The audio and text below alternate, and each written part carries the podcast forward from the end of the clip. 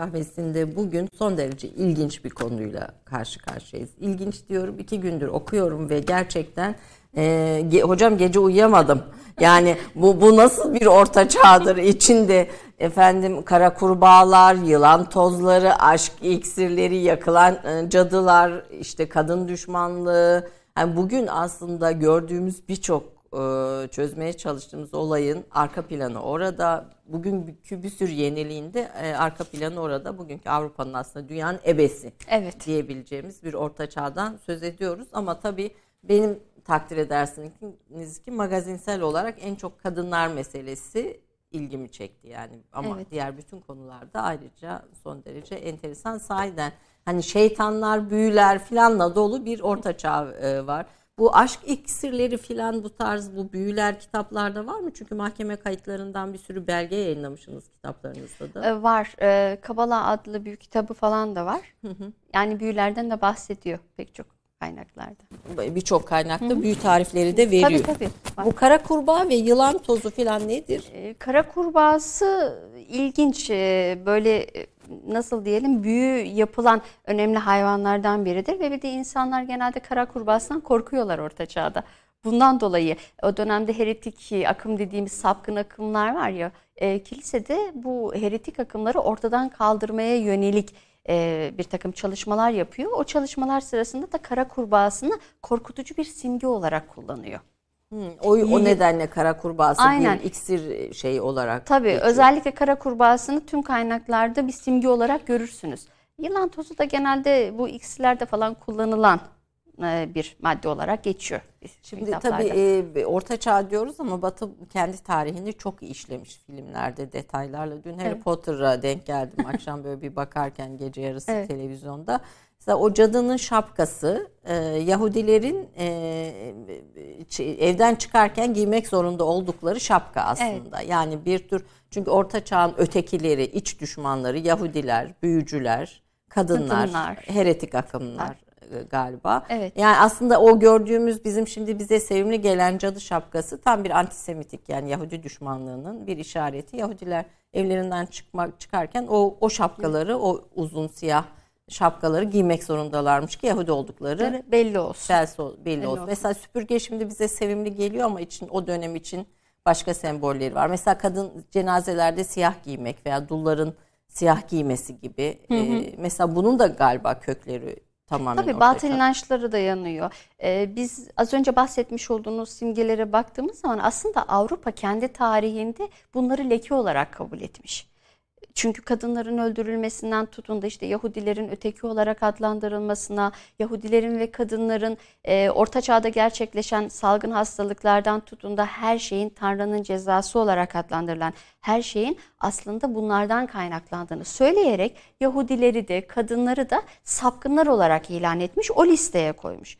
Ve dolayısıyla çok fazla katliama sebep olmuşlar o dönemde. Hatta jenosit, soykırım olarak adlandırmışlar. E, doğal olarak da e, Avrupa bunları kara leke olarak kabul ettiği için e, günümüz yüzyılında biraz daha o döneme sempatiyle yaklaşmak, bir nevi kendisini aslında günahlarından arındırmak istiyor. E, biraz daha var olan olayları, mesela çizgi filmlerde de görürüz, evet. işte canavarlar falan değil mi? Büyüleri orada da görürüz, cadıları görürüz. E, biraz daha sevimli hale getirmek, e, o döneme ait yaşanmışlıkları unutturmaya yönelik yapılan bir tür illüzyon gibi düşünebiliriz. E, Cadılar Bayramı da bununla alakalı. Halbuki bir sürü cadının yakıldığı bir tarih evet, yani. Mesela ben kitaplarımda Kadının da işlediğim zaman sadece o değil işte Ölümle Dans kitabında da diğerlerinde de Orta Çağ incelediğimiz zaman e, bazen tüylerimin diken diken olduğu anlar oluyor. Mesela kitabımın işte üçüncü baskısı çıkacak. Yeni bir şeyler eklemiştim cadıların itiraflarıyla alakalı. Ben anlattığım hikayelerde yoruldum. Acaba düşündüm biz orada yaşasaydık nasıl olurdu? Yani cadıların gibi. itirafları dediğiniz mahkeme kayıtları var. Mahkeme mesela, kayıtlarının şu, şu bir dışında. Mahkeme kaydı örneği mesela büyücülükle ilgili. Yani bir de belgesi var Tabii bu işlerin. Tabii onun yani dışında böyle... mesela Malleus Maleficarum denen bir eser var. O dönemde 1486 yılında yazılmış. Bu e, eser Dominiken tarikatına bağlı olan kişiler tarafından yani kilisenin tuttuğu engizatörler tarafından yazılıyor. E, ve bu eserde hatta Türkçe'ye de çevrildi Ayşe Hanım. E, bu eserde de cadı, o dönemde yapılan cadı işkencelerinden bahsediyor ama çok abartılı ifadeler var. Yani diyorsunuz bu gerçekten olmuş mu? İşte ben bazı cadıların itiraflarını onlardan farklı olarak buldum. Şimdi yeni e, baskısında Bunları yer nereden alacağım. buluyorsunuz hocam? E, kayıtlardan, Kayıtlar, arşivlerden, arşivlerden. tabii oralardan ve baktığımız zaman eklediğimden mesela bir tane küçük bir örnek vereyim. E, bir kadını cadı olarak yakalıyorlar ve engizatörler götürüyor sorguya. E, sorgu sıra... Engizisyon mahkemelerinin cellatlarından Ha, söz ediyor. Aynen bu e, kayıt alanlar oluyor. Şimdi anlat diyorlar sen cadısın itiraf et. O da itiraf etmiyor. Diyor ki ben cadı değilim. Ama işkenceye maruz kalıyor. Belli bir süre sonra işkenceden kurtulamayacağını anlıyor kadın. E, Ben bu durumda ne yapabilirdim diyor. İşte kadını mesela soyuyorlar çırılçıplak. Ondan sonra şeytanın izi sende var. Bunu bulmamız gerekiyor diyorlar. Mesela bir tanesinde kadının göğsünün altında şöyle bir şişlik var. E, Bu o dönemde tabi o kadar gelişkin değil tabi. Mesela bu bir ur olabilir, bir Herhangi bir hastalık şey olabilir. olabilir, herhangi bir şey olabilir. Tabii kadın onu görünce tamam bunu şeytanın imaresi olarak, emaresi olarak görecekler ve beni öldürecekler diyor. Kendisi kazımaya başlıyor ve kanatıyor. Tabii bunu gören engizatörler, aa diyorlar bulduk işte şeytanın izi bu ve e, kadını cadı olarak e, ilan ediyorlar ve cadıya diyorlar ki e, yani kadına sen bunu itiraf et. E, kadın da artık mecburen diyor öyle de öleceğim, bu Öyle. şekilde de öleceğim ve uzun uzun hikayeler anlatıyor. Uyduruyor aslında. Yani diyor ki işte biz e, tören yaptık, o törende işte şeytanla birlikte olduk, şöyle oldu, böyle oldu. Çok abartılı e, ve aslında karşı tarafı da korkutucu hikayeler bunlar. Yani o yazanlar da bu durumdan korkuyor. Yani diyor ben öleceğim zaten, ben ölürken de siz korkun diyor. Evet. Yani böyle ilginç ilginç hikayeler de var. Tabii insan bunları e, okuyunca ya da yazınca e, açıkçası tüylerimiz ürperiyor. Bir, bir E, çok karanlık, acı. aslında bir tarafıyla karanlık bir tarafıyla da aydınlık tarafları var ama bu cadılar meselesinde e, başlamışken hani çok kısa bir geçelim e, bu Tabii. cadılar meselesini yaklaşık kaç yıl cadı yakıyor Orta Çağ'da Avrupa? Aslında çok uzun bir dönem. Ee, yani Orta Çağ'a ait gibi görünüyor bu cadılar meselesi ama Avrupa'nın aydınlanma sürecinde asıl yakımlar gerçekleşiyor.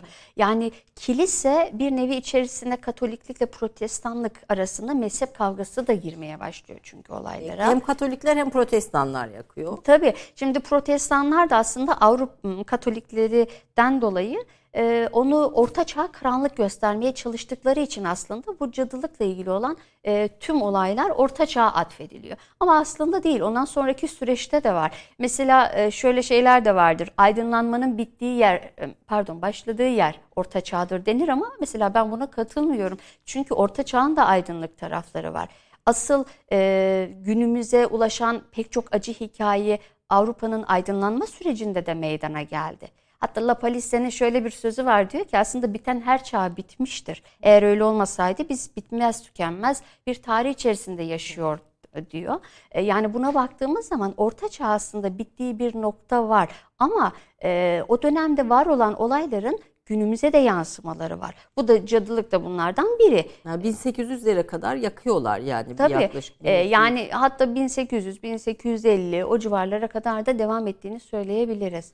E, işkence metotları dahil yani kilise işkence kılavuzu yazıyor cadılarla ilgili ve aslında hukuk sisteminde de yer veriyorlar. Mesela okurken çok dikkatimi çekti sizin notlarınızdan. O da şöyle oluyor Ayşe Hanım. Mesela o dönemde heretiklik yani sapkınlığa kilise e, tamamen karşı çıktığı için özellikle Katarlar Sapkınlık dediği şey ne? sapkınlık dediği ki, Katolik kilisesinin öğretilerine aykırı olan her şey sapkın. Yani kendisinin öğretisine aykırıysa, e, kendisinin çizgisinin dışına çıkıyorsa bunların hepsi sapkın akım olarak kabul ediliyor. E, Engizisyon mahkemelerinin ortaya çıkışı da Katarlardan dolayı ortaya çıkıyor. Hatta Aziz Bernard bir aziz var o dönemde Toulouse kentinde Fransa'da e, yaklaşık 1174'lü yıllarda Katarların aleyhine bir takım konuşmalar yapıyor. Bu Katarlar da dualist takımlar. E, Katolik öğretisine karşı e, saflık, mükemmellik üzerine iki tanrılı, iyi tanrı ve kötü tanrı var şeklinde böyle bir inanca sahip olan kişiler. E, bunları ortadan kaldırmaya yönelik çalışmalar yapılmasını istiyor. Engizisyon mahkemeleri de zaten buradan başlıyor. E, ama belli bir süre sonra e, heretiklere karşı aforoz etmeden tutun da e, mallarının müsaade edilmesine yani mallarını bir daha kullanamamalarına dair e, bir takım cezalar verilmesine kadar giden bir takım yasalar çıkarılıyor. Sensage tüzükleri olarak adlandırılıyor mesela bunlar. Papa 3. Innocentius dönemine yaklaşık 1200'lü yıllara kadar böyle adlandırılıyor. O dönemden sonra da e, ilk jenosit, soykırım denen olay yaşanıyor. Nerede? Beziers Muharebesi, Albilli kenti. Albi, Güney Fransa taraflarında olan bir kent. E, orada ortaya çıkıyor ve Papa 3. Innocentius e, bunlara bir Haçlı seferi düzenliyor. Diyor ki bunları ne görürseniz görün Katarları tamamen yok edin diyor. Hatta soruyorlar çok ilginç bir ifade de vardır. E, Katarların hepsini mi yakacağız diyorlar. O da diyor ki onlar yani o çevredekiler evet hepsini yakın. Tanrı kendi huzuruna gittiği zaman kimin suçlu kimin suçsuz olduğunu kendisi seçebilecektir diyorlar ve hepsini yakıyorlar. Ama bitiyor mu bitmiyor. Heretiklik bitmeyince kilise diyor ki e, artık bunu daha sistemli hale getirelim. Yani engizatörler bulalım, bu işle ilgilensin, resmiyete dökelim ve bir kurum kuralım diyor. Papa 9. George zamanında e, böyle bir e, Engizisyon Kurum. kurumu kuruluyor 1231-32 yıllarında. Ne zaman bitiyor Engizisyon mahkemeleri? Engizisyon mahkemeleri de uzunca bir süre devam ediyor. Yani cadılıkla birlikte aşağı yukarı o Peki kadınların kadar. düşmanlaştırılması, cadı ilan edilmesi var bir taraftan. Hı hı, evet. E, bu, bunun sebebi ne? Tam mantık olarak nereye oturtuyorlar bunu? Şöyle yani bütün onların, doğa olaylarını herhalde şeytana bağlayan bir bakış açısı var. Hemen şunu da söyleyeyim. Aslında cadı kelimesi orta çağda ilk çıkmıyor. Aslında antik çağa ait olan bir yani Keltler döneminde ortaya çıkan, Druidler zamanında ortaya çıkan bir kavram. Pagan bir. Büyücüyle eşdeğer neredeyse Sitrika denilen sözcüklerle. Ama e, orta çağdaki özelliği şu kadınla özdeşleştirilmesi. Amaç da o dönemde biraz siyasi ve ideolojik nedenlere dayalıyor, dayanıyor. Bir de o dönemde Avrupa'da aslında bir ulus fikri yok, vatan mefhumu yok ve kilisede bir süre sonra e, toplumsal bozulmaya gidince burada Haçlı seferlerin de etkisi var. E, o dönemde meydana gelen e, kıtlı, kıtlığın, topraksızlaşmanın da etkisi var. Dolayısıyla e, haç seferlerinden de özellikle de erkekler kendi topraklarından uzaklaşınca kadınların tek başına kaldığını görüyoruz. Böyle bir toplumsal bozulma Kadınlar içerisinde. Kadınlar mal sahibi oluyor ama tabii bu arada. Tabii erkek. yönetenler de var. Haçlılarla birlikte e, eşlerinin babalarının yanlarına gidenler de var. Kırsal kesimde yaşayıp büyü yapan fal bakanlar da var. Aynen günümüzdeki gibi günümüzde de fal olayı falan vardır. E, ve ama kilise önemli olan buradaki nokta kilisenin itibarı zedeleniyor. Yani halk diyor ki kiliseye e, siz bizi koruyamıyorsunuz diyor ve tepki göstermeye başlıyor. Bunun üzerine kilise de kendisine e, bir kurban arıyor. Yani böyle daha zayıf varlıklar arıyor. E, Hazreti Havva'nın da yeryüzündeki temsilcileri olarak, onun işlediği günah yeryüzündeki temsilcisi olarak da kadınlar adledildiği için doğal olarak kadınlar da bu kurbanlardan biri oluyor. Bir de kadınlar daha duygusal yapıdadırlar değil mi Ayşe Hanım? Ee, bu, günümüzde de bu şekilde fal bakmaya daha yatkındırlar. Tamam erkek cadılar da var, çocuk cadılar da var. Ama e, kadınlar buna daha yatkın olduğu için ama bu bir hemen belirtelim eksi bir özellik değil, bir şey değil ama onlar öyle algılıyorlar. E, bunun üzerine de aslında kilise kendi kafasında oturtmuş olduğu sistemin içerisine kadınları kurban olarak ve bunları mantık çerçevesinde yürütüyor. Ee, günde Olay 400, bu. birer ikişer değil 400 cadının yakıldığı zamanlar vardı diyorsunuz. Yani yaklaşık kaç bin tarih yani mahkeme kayıtlarında e, tespit edilen ne kadar Yani şöyle var? rakamlar değişebiliyor kaynaklarda. 50 bine kadar gittiği de söyleniyor toplamda. Ee, ama burada önemli olan 3-5 kişi bile olsa kadınların yakılmasının sebebindeki mantıksızlık aslında. Yani onlar kendilerine e, göre bir mantığa oturtuyorlar ama e, günümüz açısından şöyle bir geçmişe baktığımızda veya biz geçmişte yaşasaydık bunu ne kadar mantığa oturtabilirdik düşünmek lazım. E, mesela günümüzde bazı filmler vardır. Siz de izlemişsinizdir evet. mutlaka. Son dönemlerde e, bir İspanyol filmi vardı cadılarla alakalı. Aynen bizim kitapta da anlattığımız şekilde orada kadınların hikayesini anlatıyor işte 4-5 tane kadının kırsal kesimde otururken mesela bitkisel ilaçlar yapıyorlar. Ee, yani herbalist olarak adlandırıyorlar o dönemde.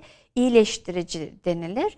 Ee, yani bilgi kadın, güçlü kadın kabul edilmiyor. Sen bir kadınsın diyor. Sen zayıf bir varlıksın. Nasıl bir hastalığı iyileştirebilirsin? Ancak Bitkinin sayesinde. o şeytanla işbirliği yapmış Tabii olabiliriz. yakalanıyorlar, götürüyorlar, sorgulanıyorlar. Aynen bizim az önce bahsettiğimiz gibi cadılar itiraflar ediyor. Hatta kurtulmak için e, dediğimiz gibi karşıdakini korkutmaya yönelik hikayeler de anlatıyorlar. Ben nasıl olsa öleceğim diyor.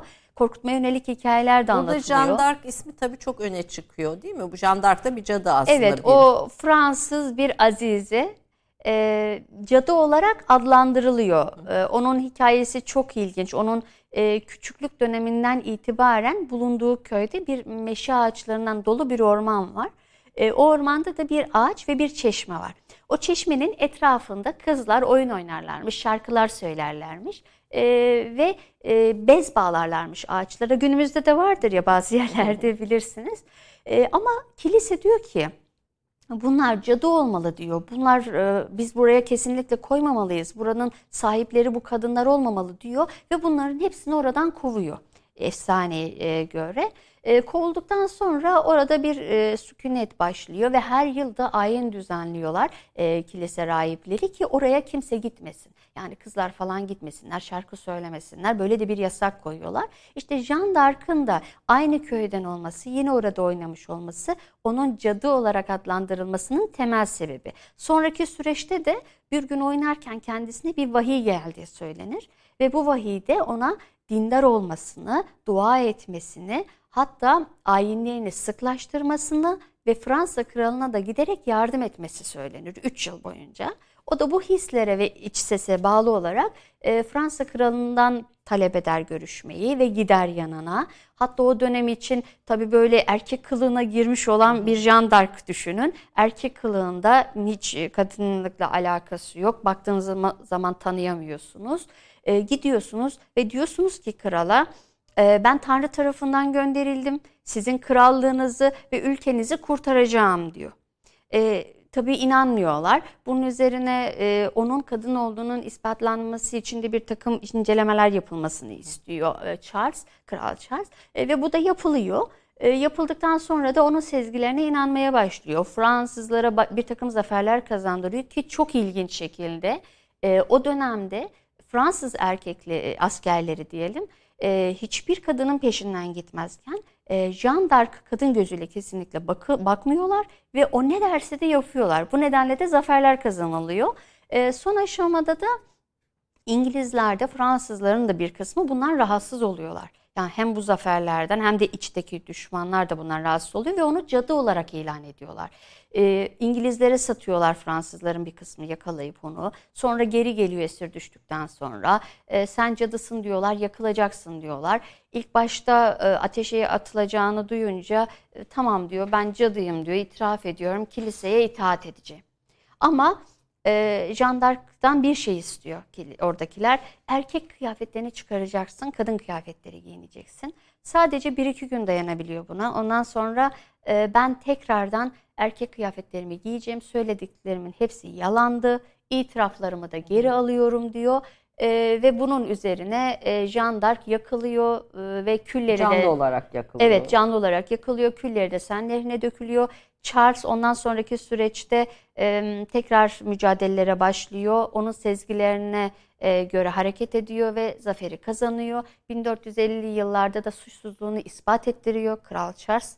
E, ama 1920 yılında da Azize ilan ediliyor. Yani aslında bu Azize ilan edilmeler bize e, şunu gösteriyor. Yani Avrupa e, tüm bunları gerçekten leke olarak kabul etmiş. Etmiş ve utanç da duyuyor. Onları bir nevi azize olarak ilan ederek de aslında o günahından arınma mı desek? Bir başka şeye dönüştürüyor yani. Aynen bir, biraz bir, e, göz boyama gibi bir e, durum yaratıyor gibi. Modern Avrupa'nın bugünkü Avrupa'nın e, oluşturucusu Orta Çağ gördüğüm kadarıyla felsefesiyle. Tabii şimdi diğer bölümleri, diğer başlıkları da konuşacağız. Orta Çağ'da doğuyla karşılaşmayı da konuşacağız. Evet, Harçlı, orası da çok önemli bir seferleri evet. ve doğuyla karşılaşmayı da konuşacağız ama ben bir sizin CV'nizi herhalde reklamdan sonra girecek Hediz Bey yönetmenimiz E, sizi orta çağ araştırmaya, tüm bunları araştırmaya yönelten sebepleri de merak ettim hocam. Çünkü bir tarafıyla karanlık bir çağ diyoruz ama siz o kadar karanlık bir çağda olmadığını söylüyorsunuz. Hani bir, Evet. bir- bir- belli yönlerine bakıldığında. Bir orta çağ nedir filan onu ikinci reklamdan sonra Tamam. konuşalım ama siz e, siz bu konulara nereden ilgi duydunuz? Yani benim danışman hocam Sayın Profesör Doktor Abdülhalik Bakır çok kıymetlidir bizim için. Ee, hocam ikinci sınıftan itibaren beni yetiştirmeye başlamıştı e, üniversitede. E, onun öngörüsü çok fazlaydı. Çok iyi bir İslam tarihçisidir. E, sağ olsun kitapları da öyle. Farklı alanlara ilgi duyar. Özellikle sosyal ve medeniyet tarihi üzerine. E, ve benim de dil yatkınlığımdan dolayı benim Avrupa tarihi e, çalışmam gerektiğini söyledi. E, siz Ve iki, bunun üzerine iki üç dil biliyorsunuz çok iyi derece. İngilizce bildiğim kadarıyla. ha, şu anda altı dile altı çıktı. dil. Neler, Evet. hangi dilleri konuşuyorsunuz? İngilizce, Latince, Fransızca, İtalyanca, Almanca, Farsça da orta seviyede. Orta, evet, evet. Ee, hatta iki tane profesör olduktan sonra öğrendim. Dil öğrenmeyi seviyorum Ayşe Hanım. Ee, ve alanım itibariyle de kendim hakim olursam daha her şeyin sağlıklı olacağı düşüncesindeyim. Ve hocam da zamanında bu şekilde beni yönlendirdiği için e, danışman hoca bu noktada çok önemli oluyor. Yani bir, bir defa çok erken profesör oluyorsunuz. Kaç yaşında profesör? 39 yaşında oldum. 39 yaşında Evet. profesör oluyorsunuz. Bu kadınlarda galiba en erken yaşlardan birisi bildiğim kadarıyla. Evet, orta çağ alanında. Orta çağ diyelim. Evet. alanında. Orta çağ çalışan çok fazla isim var mı Türkiye'de? Ortaçağ Avrupa tarihi çalışan az. Orta, Evet, Ortaçağ çalışan Türk bayağı var ama evet. Avrupa tarihi çalışan az. E, Evet. kadın olarak da önde gelen profesörlerimizden birisiniz. Naçizane E, çalışıyoruz. e, hem genç e, hem kadın olmanız hasebiyle de konulara bakışınız da daha e, farklı. Biraz daha evet. Ee, ama ben gerçekten e, hocamın kitaplarını okurken e, son derece faydalandım ve e, bugüne dair birçok dediğim gibi sembolik yaşayan ve yaşatılan birçok şeyin köklerinin o o dönemlerde olduğunu ve o dönemler bilinmeden aslında bugünü, bugünkü Avrupa'yı da anlaşılamayacağını fark Kesinlikle- ettim ki siz de söylüyorsunuz. Aynen kesinlikle anlaşılmıyor. Çünkü bu dönemleri bilmek gerekiyor. Avrupa aslında Ortaçağ ruhunu hala yaşatıyor. içinde. Tabii e, yani eğitimine bile baktığınız zaman eğitim sisteminde mesela ben kendim de çalışmıştım. E, Avrupa'daki şu andaki eğitim sistemi çok az bir değişim göstermiş Orta Çağ'da. O, o, o devam ediyor. Evet, o Üniversitede, bile devam- üniversite devam bile orada kuruluyor. Aynen. Efendim e, bir kısa reklam arası, reklam arasından sonra Pınar Hocam'ın CV'sini ve çalışmalarını kısaca görelim. Ondan sonra ortaçağ nedir, üniversitelerle başlayalım. Aslında e, bugüne dair önemli bir şey konuşacağımızı tekrar hatırlatmak istiyorum. Kısa bir reklam arasından sonra. Fırat Üniversitesi Fen Edebiyat Fakültesi Tarih Bölümünden mezun oldu. 2004 yılında Orta Çağ Avrupa'sında Sanayi adlı yüksek lisans tezini, 2008 yılında ise 11. ve 15. yüzyıllarda Yakın Doğu ve Avrupa'da teknolojik gelişmeler ve bu gelişmelerin sosyoekonomik ve kültürel etkileri adlı doktora tezini tamamladı. 2009 yılında Gazi Osman Paşa Üniversitesi'nde yardımcı doçent doktor olarak görevine başladı. 2011-2012 akademik yılında Bilim ve Sanat Ödülü aldı. 2014 yılında ise doçent oldu. Profesör Doktor Pınar Ülgen'in yayınlanmış kitapları şunlardır. Ortaçağ Avrupa Tarihi, Kadınlar ve Cadılar, Ortaçağ Avrupa'sının Ölümle Dansı, Doğu-Batı arasında teknoloji transferi, Ortaçağ Avrupa'sında kölelik, toplum ve hukuk, Ülgen'in Ortaçağ Avrupa tarihi ve karşılaştırmalı tarihle alakalı çok sayıda ulusal ve uluslararası makaleleri bulunmaktadır. İngilizce, Latince ve Fransızca bilen Profesör Doktor Pınar Ülgen, hala Gazi Osman Paşa Üniversitesi Ortaçağ Anabilim Dalı Başkanı olarak görev yapmaktadır. Hocam Tokat'tan geldiniz. Her şeyden önce hoş geldiniz de diyorum. Ee, Tokat'a da buradan bir selam edelim. Ee, Bugün To- Tokat'ta bir üniversiteden bir hocayı konuk ediyoruz. Değerli bir profesörü, sahasında uzman bir profesörü konuk ediyoruz. Teşekkür ederim. Efendim şimdi e, Orta Çağ nedir ne değildir? Biraz ona da e, bir bakalım istiyoruz. Ee, işte yeni çağ ne zaman başlıyor mesela? İşte biz 1453 İstanbul'un fethiyle yeni çağ başlatıyoruz ama e, okuduğum kadarıyla çok da öyle değil. Yani siz bize bunu izah edin. Mesela işte Rönesans dediğimiz şey ne zaman başlıyor? Coğrafi keşifler mi, İstanbul'un fethi mi, diğerleri mi? E, Orta Çağ'ın başı ve sonu nasıl ve yeni çağla nasıl eklemleniyor? Yoksa bu ayrımlar böyle biraz tarihçilerin e, oluşturduğu kavramsal bloklar mı? E, dinlemek istiyorum. Orta Çağ nedir bize anlatın buyurun. Orta Çağ bana göre bir geçiş çağı. Nereden? E, antik çağla yeni çağ arası dediğimiz yani bizim kendi tarihsel sınıflandırmamız içerisinde bir geçiş çağı. Ama orta çağ tarihi olmazsa olmaz çağlardan biri. Mesela Roma İmparatorluğu kurulduğu zaman kendisinden kendisini modern, kendisinden öncekileri de antik olarak ilan ediyor. E, ve aslında burada e, bu durum Orta Çağ'da sirayet ediyor. Mesela e, Orta Çağ kelimesi İngilizce'de medieval olarak geçer ya bu kelimenin kendi kökeninde de aslında e, bu fikirler e, yatmaktadır diyebiliriz. Mesela Walter şöyle bir şey der e, sorulur kendisine Roma İmparatorluğu neden çöktü? Çöker demiş. Her hepsi her şey bir gün çökebilir. Önemli olan buradan kalanların veya dağılanların neden bir araya gelmediği sorusudur. Aslında bu biraz bize orta çağın dağınıklığını da izah ediyor değil mi? Yani bu orta çağda nasıl bir dağınıklılık vardı? Bir geçiş çağıydı ama bir yandan da bir dağınıklılık var orta çağ Avrupa'sında.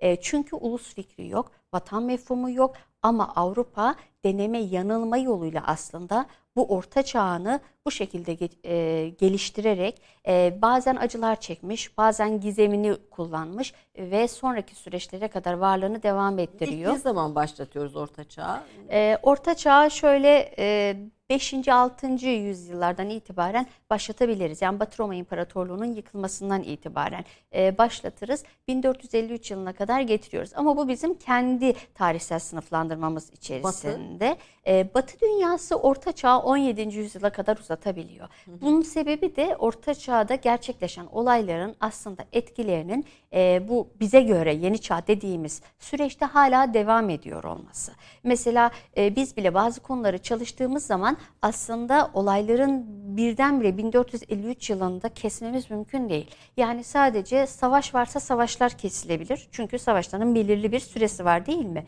Ama e, sosyal medeniyet tarihiyle alakalı olan hiçbir şey e, bir anda kesilmiyor. Yani bunların mutlaka bir etkisi devam ediyor. Bu nedenle de batılı tarihçiler bu süreci 17. yüzyıla kadar uzatabiliyorlar.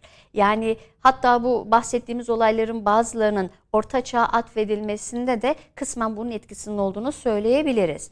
Ama bu orta çağ dediğimiz bu geçiş döneminde karanlık mıydı değil miydi? Hep bu sorulan sorudur değil mi? Ee, ama bana göre karanlık değil. Karanlık çok keskin bir kavram. E, batılı tarihçiler de eskiden bunu çok kullanıyorlardı ilk dönemlerde. E, ama sonraki süreçte onlar da artık kullanmayı bırakmışlardır. E, bunun sebebi de aslında her çağın bir aydınlığının e, ve biz e, tabii karanlık demiyoruz ama buradaki tabirle mecazi anlamda bir karanlık tarafının olduğunu söyleyebiliriz. Bu e, yakın dönemimize ait de söyleyebiliriz. Tabii, tabii, Antik çağa ait olarak da söyleyebiliriz. Ama Orta Çağ'ın aydınlık tarafları da çok fazla. Az önce Rönesans dedik evet. değil mi? Bu Rönesans çok önemli.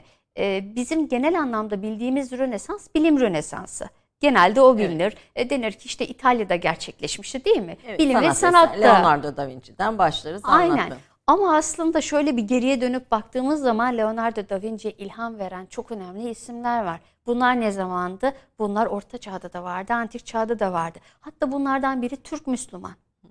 Yani onu da hemen burada yere gelmişken söyleyelim. E, mesela e, bir tanesi Roma döneminde yaşamış olan bir mimar mühendis Vitruvius. Bir zincirleme halkadır bu. Orta çağa geliyoruz. Doğu kısmında El Cezeri, e, son dönemlerde de e, biliyorsunuz onunla ilgili müzeler falan da e, yapıldı.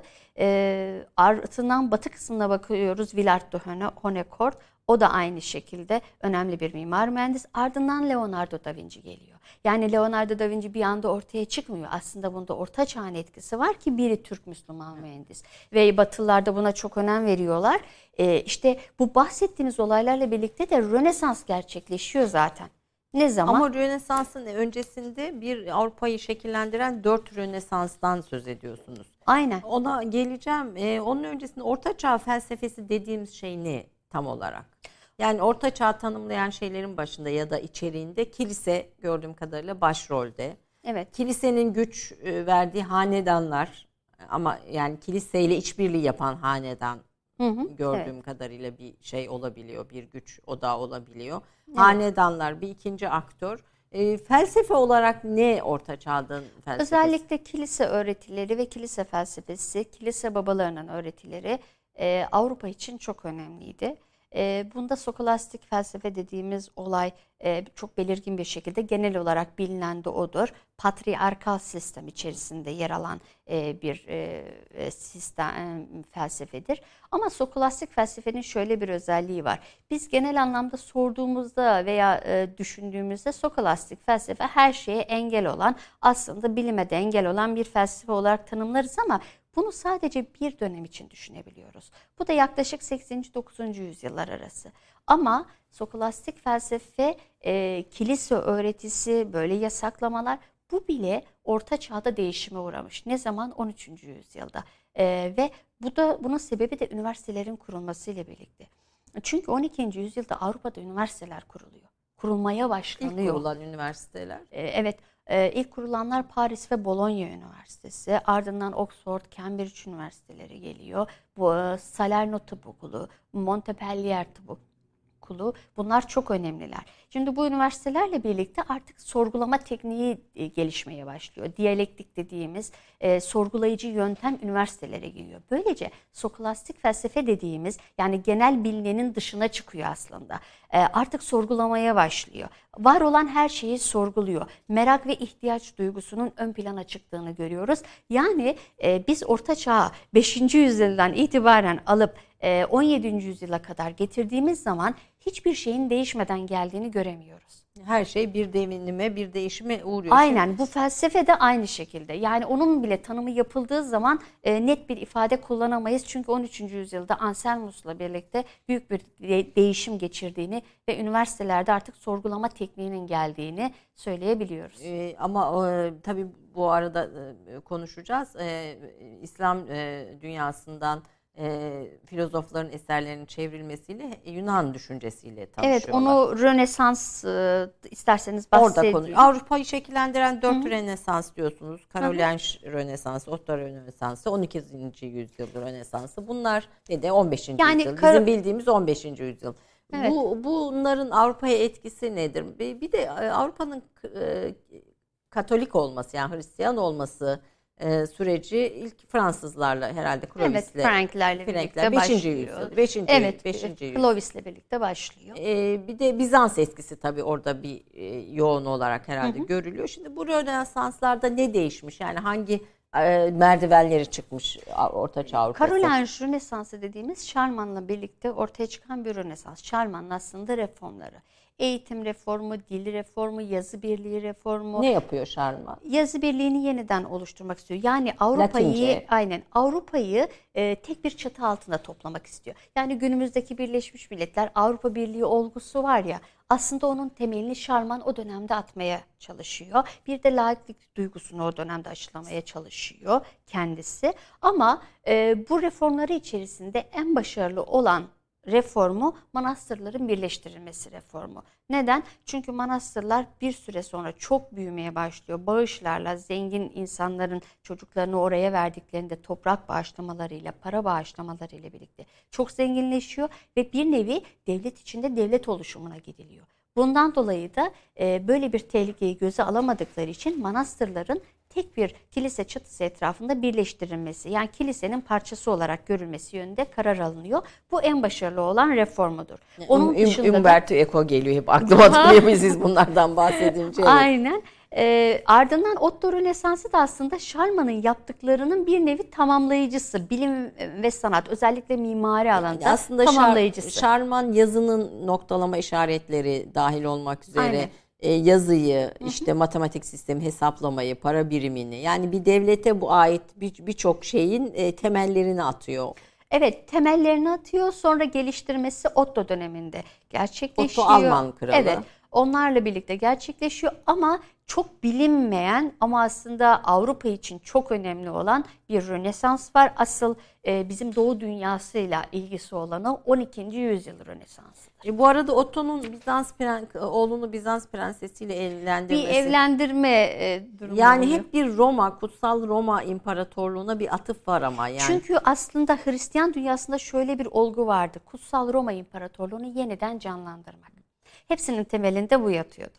Ee, ama 12. yüzyıl e, Rönesansı dediğimiz olay Doğu dünyasıyla çok alakalı. Çünkü Avrupalılar bunu milad olarak kabul ediyorlar ve bu konuyla ilgili de çokça yazılmış eser var ve direkt 12. yüzyıl Rönesansı diye geçer. Avrupa'yı Ve- değiştiren Rönesans. Aynen değiştiren Rönesans'tır. Hatta bilim Rönesans'ını bile gölgede bırakır. Neden mi gölgede bırakır?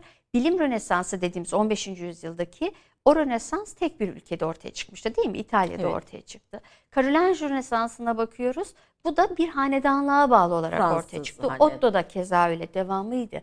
Ama 12. yüzyıl Rönesans'ı tüm Avrupa'yı şekillendirdi. Günümüzdeki durumuna gelmesine de aslında bu Rönesans sebep oldu. Burada ne Neden? oluyor 12. yüzyılda? Evet, e, bu dönemde e, Avrupa, Batı dünyası, Doğu dünyasına ait olan tüm eserleri aslında Latince'ye çevirdi. Hangi eserleri? Ben hep bunu İslam Rönesansı olarak algılarım. 8. yüzyılda Halife Memun'un Beytül Hikme'yi kurduğu zaman e, dünyanın her tarafından çevirmenler getirdiği bir dönem var. Ve bu dönemde Sanskritçeden, Yunanca'dan, Latinceden tüm eserleri Arapçaya çevirtiriyor. Bu aslında İslam dünyası için bir çeviri hareketi dönemi. bu- Çok önemli. Burada işin büyüklüğünü aktarmak için Evet. yani Hindistan'dan tutun Aynen. da e, İran'a kadar, Yunanistan'a, İran'a kadar, kadar.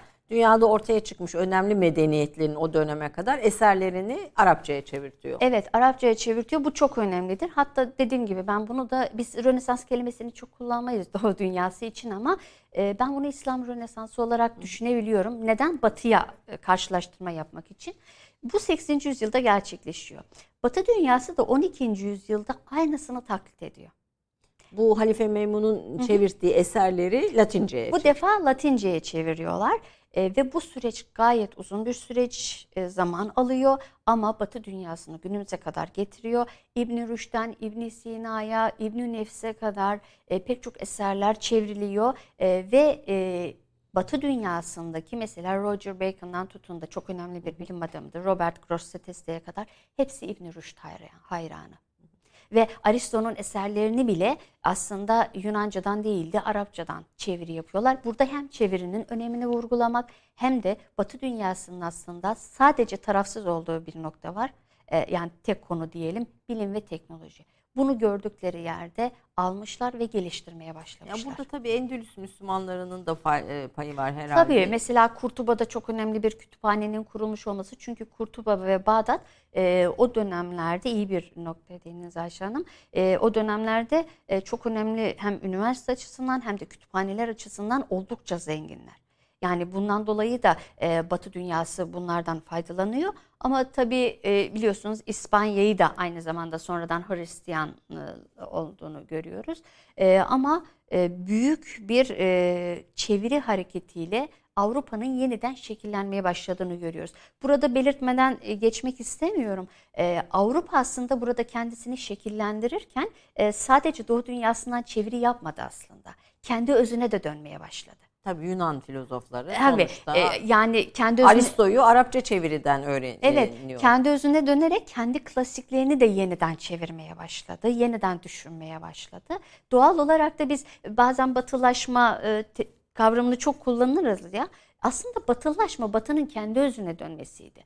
E, bazen e, bu kavram yanlış kullanılıyor diye düşünüyorum. Çünkü modernite ya da modernleşme daha uygun gibi geliyor. Çünkü batılılaşma dediğimiz zaman aslında batının kendi özüne dönmesiydi. Biz onların mı özüne döndük? Ya evet yani, Yani- bu, bu iç içe geçmiş kavramlar. Aynen, iç içe geçmiş olan, e, tabii kavramlar silsilesi enter- var. Mesela Aristo'nun Paris Üniversitesi'nde yasaklanması e, var notlarınız arasında. Evet. E, Bir dönem böyle bir durum ortaya çıkıyor İbn Rüşd'ün e, hayranlığından dolayı ama sonradan tekrardan e, yasak kaldırılıyor.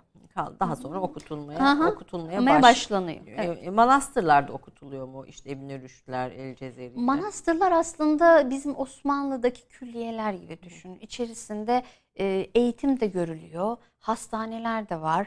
Ee, insanlar tedavi de oluyorlar. Mesela e, o dönem itibariyle Konstantinopolis diye geçen işte günümüzdeki İstanbul'da ilk manastır e, hatta koğuşlardan oluşan hastanenin Pantokrator Manastırı mesela içinde koğuşlardan oluşan bir hastane var. E, yani çok böyle çok yönlü yapılar. Rahipler, rahibeler oraya gelen çocuklara okuma yazma öğretiyorlar. E, doğal olarak bu kitaplardan da e, bahsediliyor. Bir eğitim görüyorlar orada. Bir 17-18 yaşına kadar eğitim gördüklerini söyleyebiliyoruz manastırlarda. Sonraki süreçlerde o dönemdeki işte Dominikenler olsun, Fransızkenler olsun bir takım dini gruplara dahil olurken onların yeminleri ve törenleri var. E, o yemin ve törenlerle birlikte e, rutin, ritüeller yapılarak geçişler tamamlanıyor. Ee, şimdi şey diyorsunuz, Akdeniz'i çevreleyen İslam dünyası, Hristiyan ve Yahudi dünyası ile bağ kuruyor 12. yüzyıl. Yahudi dünyasıyla da 12. Evet. yüzyıl Rönesansı diyorsunuz. Birbirlerini etkilemiştir. Evet etkiliyorlar. Ee, Paris ve Salerno üniversitelerinde bu bağ, e, bu değişimin ana merkezi diyorsunuz. O dönemki e, üniversite yapısında ne oluyor? Yani üniversiteler biraz loncalar, meslek okulları gibi. Kilise de üniversitede etkin gördüğüm kadarıyla. Evet. Ee, mesela e, Paris Üniversitesi daha öğretim üyelerinin, Bologna daha öğrencilerin etkisi evet. altında gibi. Hani böyle bir e, üniversite biçimleri de şekilleniyor. Bugüne nasıl uzuyor bu yapılar? O dönemdeki üniversite yapısı aslında günümüzdeki üniversite yapısının e, neredeyse yüzde 90 benzeri e, desek 12. Yerinde. yüzyıldan söz ediyoruz. Evet 12. 12. yüzyıldan söz ediyoruz. Yani çok eski bir dönem. Ee, Avrupa'nın çok az oynadığı bir sistem, eğitim sistemi. Çünkü o dönemde üniversiteler e, iki modeldi. Aynen bahsettiğiniz gibi Paris modelinde hoca merkezli. Hatta öğrenciler hocaları sorgulayabiliyor. Pardon. E, hocaların e, maaşları falan yine o dönemde kraliyet tarafından veriliyor Paris'te. E, hoca merkezli olduğunu görüyoruz. Ama Bologna'ya baktığımız zaman öğrenci merkezli. Öğrenci merkezli olanlarda öğrenciler hocaları sorgulayabiliyorlar. Ve İtalya'da belki Rönesans'ın yeşermesinde de bunun etkisi var. İleriki dönemlerde İleriki e, sorgulayabiliyorlar. Mesela ders vermediğiniz zaman veya derse geç kaldığınızda e, bunun neden olduğunu o dönemde öğrenci loncaları var, hoca loncaları var. Onlara götürüp e, bir nevi hesap verme gibi mazeretinizi bildirmek zorundasınız. Aksi takdirde sizi sorgulayabiliyorlar. Bu bahsettiğimiz dönemler 12. yüzyıl. Bakınca sanki günümüzden çok farklı değil evet, değil mi? Evet e, iki model. E, günümüzde de mesela üniversitelerimizde şu anda uygulanan bir Bologna sistemi var. Aslında bu Bologna sistemi işte 12. yüzyıldaki Bologna Üniversitesi'nde uygulanan sistemdi. Öğrenci merkezli hale getirilmeye çalışılıyor ya. E, oradaki sistem çok az bir oynama var. O dönemde e, hocalara baktığımız zaman bir üniversiteden memnun değillerse e, göç yapabiliyorlar toplu halde. Mesela bir dönem Paris'ten hocalar e, yaklaşık bir 14. E, yüzyılın ortalarına doğru göç yapmışlar. O dönem itibariyle böyle adlandırılıyor, göç deniyor. Ve bu göç bilim göçü yani bugün ha, biz de konuşuyoruz. Göçü. Aynen bilim, bilim göçü. Doğru bilim göçü de diyelim. Ee, ve bununla birlikte Oxford ve Cambridge üniversitelerinin kurulmasını sağlıyorlar. Yani diyelim ki orada 50 hoca varsa 20'si göç mü etti? Gidiyorlar orada başka bir üniversitenin kurulmasını sağlıyorlar. Bunun gibi. E, Salerno Tıp Okulu keza öyle çok önemli bir e, tıp fakültesi ve ilk tıp fakültesi. E, kadınlar üniversitelere gidebiliyor mu? O dönemde e, çok fazla değil, yaygın değil. Hoca olarak da birkaç tane kadın profesör var. Ben bu profesör ünvanını kullanıyorum. Çünkü o dönemde böyle bir ünvan var. Hatta günümüzde e, master ve doktora evet. diyoruz ya o dönemde de bunlar kullanılıyor. Mesela lisans döneminde bakalorus olarak adlandırılıyor. Bakalorya master yapanlara, yüksek lisans yapanlara, doktora da yine e, doktora yapanlara aynı ünvan olarak e, veriliyor. Hatta o dönemde uygulanan törenler var doktora bitiminde savunma sırasında. Orada e, konuşmak istedikleri ya da hazırladıkları konuyu çok büyük bir topluluğa sunuyorlar. Günümüzde de mesela savunmalar yapılırken jüriler işte ya da onların çağırdığı kişiler de olabilir bir grup. Onlara sunum yapılıyor. Yani baktığınız zaman e, sistem, sınav sistemi, törenler e, %90 civarında aynı olduğunu görebiliyoruz. O dönemde loncalar çok etkin. Gün bizim Meslek do- grupları, tabii, loncalar. Doğu dünyasında ahi teşkilatı evet. vardır. E, evet Avrupa'da da bunun karşılığı olarak lonca teşkilatı var. Yani orada hocaların haklarının da savunulduğunu görüyoruz. Onun haklarını koruyan bir loncanın varlığını, e, öğrencinin de haklarını savunan Peki, bir lonca. Peki üniversite görüyoruz. ilişkisi nasıl oluyor? Çünkü o, o dönemin egemen Tabii kiliseler de e, kiliseler de etkin, etkili ama şöyle bir yapı var o, o dönemdeki üniversitelerde. Üniversiteler özerk yapıya sahip. Özerklik kelimesi de oradan geliyor. Yani 1200'lü yıllarda da üniversiteler özerk bir yapıya, yapıya sahipti. Ama kilise tamamen bir etkisizdi değildi. Kısmen belli noktalarda müdahalelerin olduğunu söyleyebiliyoruz. Evet, yani özellikle atamalar konusunda. Atamalar. Dekan atama çünkü o dönemde de dekan kelimesi kullanılır. E, dekan atamaları falan oluyor. o dönem efendim 100 yıl önce de bu dekan atamaları, rektör Var. atamaları sorulmuş. Onun için hiç endişe etmeyelim. Evet, o dönemde de vardı, günümüzde de var. Günümüzde de var. Yani bu atama meselesi hep böyle bir e, kriz konusuymuş. E, fe- feodalite, Orta Çağ'ın önemli kavramlarından birisi. E, fe- feodaliteyi kölelikten ayıran nedir? Sizin e, kölelikle ilgili de bir kitabınız Evet. var, Orta Çağ Avrupa'sında kölelik diye. E, buradaki kölelik e, e, nasıl bir kölelik? İşte feodalitenin farkı ne? E, feodal toplumların sadece Avrupa'da, Avrupa toplumunda görüldüğünü söylüyorsunuz. Yani başka Batı feodalitesi. Batı fe- feodalitesi için, Doğu için biraz daha farklı kavram, Farklı. kavramlar herhalde devreye giriyor. Çok kısa onu da dinlemek isterim. E, feodalizm aslında bir toprak, sos, toprak rejimi, sosyal bir rejim, e, toplumsal bir rejim diyebiliriz, ekonomik bir rejim diyebiliriz. Yani feodalizm e, batıda ortaya çıkan batı feodalitesi olarak adlandırılan bir sistem. Toprağa bağlı e, bir sistem olduğunu söylüyoruz. Ama burada kölelikten ayrılan tarafı şu. Roma İmparatorluğu dönemindeki kölelik hiçbir hak, hukuku olmayan, e, tabiri caizse eşya diyebileceğimiz, eşya olarak adlandırabileceğimiz yani onu insan olarak değil de eşya olarak görülen bir sistemden bahsediyoruz. Veya ağır işçiler de diyebiliriz. Aslında bu buna. Yunan'daki Eugenics'in bir başka versiyonu. Aynen bir başka versiyonu. Ee, bu Roma İmparatorluğu dönemindekiydi. Orta Çağ arasındaki kölelik ise yarı köle. Yani bunu, biz buna serf diyoruz. Serflik sistemi. Bunun da özelliği şu. Siz toprağa bağlısınız. Efendiniz olan senyöre karşı yükümlüsünüz, çalışıyorsunuz ama kısmen Roma'ya göre birazcık daha birkaç hakka sahipsiniz. Mesela eskiden evlenemiyorlardı. Şimdi hür insanlarla evlenebiliyorlardı. Ama e, çocuklarının köle olup olmadığına dair mahkeme kayıtlarında hep bir çelişkiler olmuş. Onu belirtelim. E, net bir evet tamamen e, hür doğuyor veya tamamen köle doğuyor. Bununla ilgili bir netlik söz konusu değil. Aralarındaki en önemli farklar e, bu ikisidir. Ama feodalizm Orta Çağ gerçekten şekillendiren bir sistem. E, feodalizmi anlamadan Orta Çağ anlamak da mümkün değil. Ama Orta Çağ'da Avrupa'ya dezavantaj getirmiştir diye e, net bir ifade de kullanamayız. Hayır. Neden? Çünkü Mark Bloch'un ifadeleri var. Feodalizm ikiye ayrılıyor. Birinci feodal çağ 11. yüzyıla kadar olan, ikinci feodal çağ 11. yüzyıldan sonrası. 11. yüzyıla kadar olan bir toprağa bağımlılık ve sürekli bir üretim tüketim ilişkisine bağlı. Efendi ve serfler arasındaki ilişki buydu. Ama 11. yüzyıldan sonra e, çok fazla ürün elde edilmeye başlanıyor E, ve böylece ticaret daha yoğunlaşmaya başlıyor. Avrupa'da bir ticaret devrimi yaşanıyor. Efendiler e, yani bu senyörler elde ettikleri ürünleri deniz aşırı ülkelere satıyorlar. Yani feodalizmin avantajını yaşamaya başlıyorlar. Ve serflerin bir kısmı da özgürleşmeye başlıyor. Ayaklananlar oluyor. E, yani bu köle diyoruz ya Orta Avrupa'sında Ve yarı aslında köleler. bu, bu deniz aşırı ülkelere gidişte o ayaklanmalar. Anne, aynen ayaklanmalar oluyor. Hatta tarihteki e, ilk grev 1245 tarihinde Teykan adıyla gerçekleşiyor. E, ve bu işçiler ya da şöyle diyelim yarı köleler e, isyan ediyorlar. Biz grev yapacağız. Açlık grevi gibi bir şey. E, tatil günleri istiyoruz, çalışma şartlarımızın iyileştirmesini istiyoruz gibi. Çünkü bu da tarihe geçmiş, tarihe kayıtlara geçmiş ve gerçekten de haklarını elde ediyorlar. Böyle ilginç dönemler de geçiriyor Avrupa E, ve bunun sonrasında da Avrupa'nın diyoruz ya şekillendirmeye başladı. Yeni bir işçi sınıfı ortaya çıkıyor.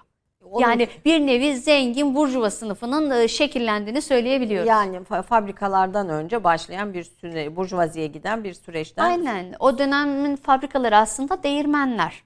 Ben e, Doğu Batı Teknoloji Transferi kitabımda işlemiştim. Bu- Doktora bu da- tezimde. Evet, bu, bu, bu da. Bu da önemli çünkü Doğu ve Batı arasındaki bilimsel ve teknoloji transferi. Evet orada mesela değirmenlerden çokça bahsederim. O değirmenler Orta Çağ'ın e, Avrupa'sının aslında fabrikalarıdır. Özellikle de manastırlarda da vardır. Çünkü zenginler toprak bağışlarlar. O topraklarda değirmenler kurulur ve değirmenlerde mesela buğday öğütürler, e, başka şeyler yaparlar, üretim yaparlar, zenginleşirler. Yani e, ve burada da işçiler çalıştırılıyor ve doğal olarak da e, fabrik olarak adlandırılıyor. Yani ortaçağ aslında su teknolojileri çağı diyebilir miyiz? Suyun çok önemli olduğunu Suyun söyleyebiliyoruz. Önemli kağıt, optik, aklınıza gelebilecek her teknolojinin aslında orta çağda yeri var. Yer. E, bu fakat bu su teknolojileri kısmındaki gelişmeler daha sonra yerini elektrik e, enerji üretimine alıyor aslında öyle bir devamlılığı da sizin Aynen mekanik saatlerin icatları var. Mesela bunda El Cezire'nin yapmış olduğu çok önemli eser çizimleri vardı. Bizim, mekanik e, bizim stüdyomuzda da bazılarından örnekler var. Bu ilk icatlara ilişkin saatleri şimdi bulamadım ama önceden o mekanik saatlerinde örnekleri vardı bizim stüdyomuzda evet, da böyle. Çünkü El Cezire'yi Avrupa çok önem vermiş. Ee, yani 1200'lü yıllarda yazılmış olan eserleri Avrupa'ya götürülmüş, çevrilmiş. E mesela ben doktora tezimi yazarken ben ilk olarak bunun bu eserin İngilizcesini bulmuştum. Yani bir Arapçası vardı, bir İngilizcesi vardı. Yani çevirmişler 1800'lü yıllarda çeviriyorlar. Hatta bir Arap ve bir e, İngiliz tarafından da evet çevrilenler. Evet sonraki süreçte e, sağ olsun bazı hocalarımız e, Türkçe'ye kazandırdılar 2000'li yıllarda. Çok iyi oldu o eser. E, bizim böyle bir Orta Çağ Avrupa'sının araştırma enstitümüz, merkezimiz falan var mı? Mesela Batı İslam coğrafyasını hep araştırıyor yani oryantalizm çalışmaları, doğu evet. çalışmaları adı altında. Her şeyi araş, yani her bölgeyi araştırıyor sadece Türkiye bazında değil yani. Türkiye'nin var mı bir Ortaçağ Avrupa'sının araştırma merkezi? Hayır Ayşe Hanım yani aslında çok önemli bir alan. Ee, yani Batı Medeniyetleri Araştırma Enstitüsü adıyla aslında böyle enstitülerin kurulması gerektiği düşüncesindeyim. Ee, sanırım son dönemlerde sadece bir yerde biraz benzeri bir enstitü kurulmaya başlandı ama onun dışında yok. Yani direkt Batı medeniyetlerini e, araştıran bir enstitü yok. E, mesela ileride bir imkan ve şartlar olursa ben ekibimi de hazırladım. Böyle bir şey yapmak isterim yani projelerim arasında var e, çok da iyi olur diye düşünüyorum. Hatta e, Türkiye'de bölgesel bazda böyle kurulabilir diye düşünüyorum. Yani her üniversitede olmayabilir. Bunun sebebi de istihdam edilecek hocaların azlığından kaynaklanıyor. Ama e, böyle bölgesel bazda birkaç tane yapılırsa aslında e, Avrupa'yı çalışmamız gerekiyor. Yani Batı Medeniyetleri Araştırma Enstitüsü'nü üniversitelere evet, bunun önerelim. Da... Yani çünkü bir Frans gördüğüm kadarıyla bir Fransızların etkisi var, bambaşka bir bir Almanların etkisi var, İngilizlerin etkisi var ve aslında bugünkü bir sürü tartışma ve konunun da uzantıları orada e, iyi bilmediğimiz şeye karşı da durmak kolay değil galiba. Aynen. Şimdi mesela ben doktor öğrencilerimi de seçerken ve yetiştirirken şu anda bitirenler var, bitirmek üzere olanlar var. Böyle alana indirgemiştim. Fransa, Almanya tarihi, İngiltere tarihi şeklinde böyle indirgemeye çalışıyorum. Bunun sebebi bu kafamdaki proje e, kaynaklıydı. E, ama tabii bunun için gerçekten iyi imkan ve şartlar e, gerekiyor. Ama ülkemize çok fazla getirisi olacak olan bir, bir proje bir, aslında. Evet, evet. E, çünkü Avrupa'ya baktığımız zaman İslam enstitüleri var dediğiniz gibi. Osmanlı'yı araştıran enstitüler var. Hatta ben e, bir ara bir Doğu yurt, dilleri, Doğu çalışmaları. Aynen Türkoloji enstitüleri var. E, bir yurt dışında bir kongredeyken bir Rus olan hoca e, bana bir tez getirmişti, doktora tezi. O doktora tezi Selçuklu ile alakalıydı. Yani bu bahsettiğim Rusya'da olan bir şey. Ee, mesela baktığımda Selçuklu'yu çalışmışlardı Ayşe Hanım. Çok ilgincime gitmişti. Ee, Pınar Hanım size hediye ediyoruz falan demişlerdi. Sonra ben gidip geldikten bir yıl mıydı, iki yıl mıydı net hatırlamıyorum. Kitap Türkçe'ye çevrildi. Ama inanın baktığınız zaman e, Türkiye'deki yazılmış olan çok kıymetli hocalarımız var. Eser yazıyorlar. Aynı bilgiler, aynı kaynaklar. Yani iyi çalışılmış. İyi çalışılmış. Evet çok güzel çalışılmış. Buradaki amaç aslında şu. Yeni bir şey yaratmak değil, bizim toplumumuzu tanımak. Evet. Yani biz neden onları tanımayalım, yapmayalım? Çünkü Avrupa'nın bu dönemlerini tanımadan mesela Roma tarihi çalışan çok kıymetli hocalarımız da var ülkemizde. Bunun daha sistemli ve kurumsal, kurumsal hale getirilmesi bu işin daha sağlıklı yürüyeceği düşünüyorum aslında Uzun böyle olursa. aklımda aslında bir Roma tarihi hocasını da burada konuk etmek istiyorum ama Orta Çağ çalışırken Roma tarihi olmadan olmaz diye düşündüm. Yani o Tabii çünkü hocam. o e, Tabii bugünkü ki. Batı'nın anlama kılavuzu içinde Evet. e, Roma tarihi yeri ayrı. Hocam bir reklam arasına gireceğiz ama e, isterseniz ondan sonra konuşalım. Bir salgın hastalıkların vebanın da o bugünkü o Avrupa'yı şekillendirmesinde etkisi büyük. Cüzzam da hani bu, bu, bu, bu, bu çerçevede. Ee, oradan devam edeceğiz ama inşallah başlıklarımız yetişir efendim. Kısa bir reklam arasından sonra bu güzel sohbete Pınar Ülgen Hoca ile devam ediyoruz. Aslında tüm tarih konuşmalarında olduğu gibi bugünü konuşuyoruz. Mesela Orta Çağ döneminin heretik sapkın akımlar diye tanımladığı e, tarikatlar meselesi var. Buna ilişkin sayıyı soracağım ama Amerika'nın kuruluşunda da bu tarikatların etkisi büyük. Çünkü kilise e, bu tarikatları e, göçe zorluyor.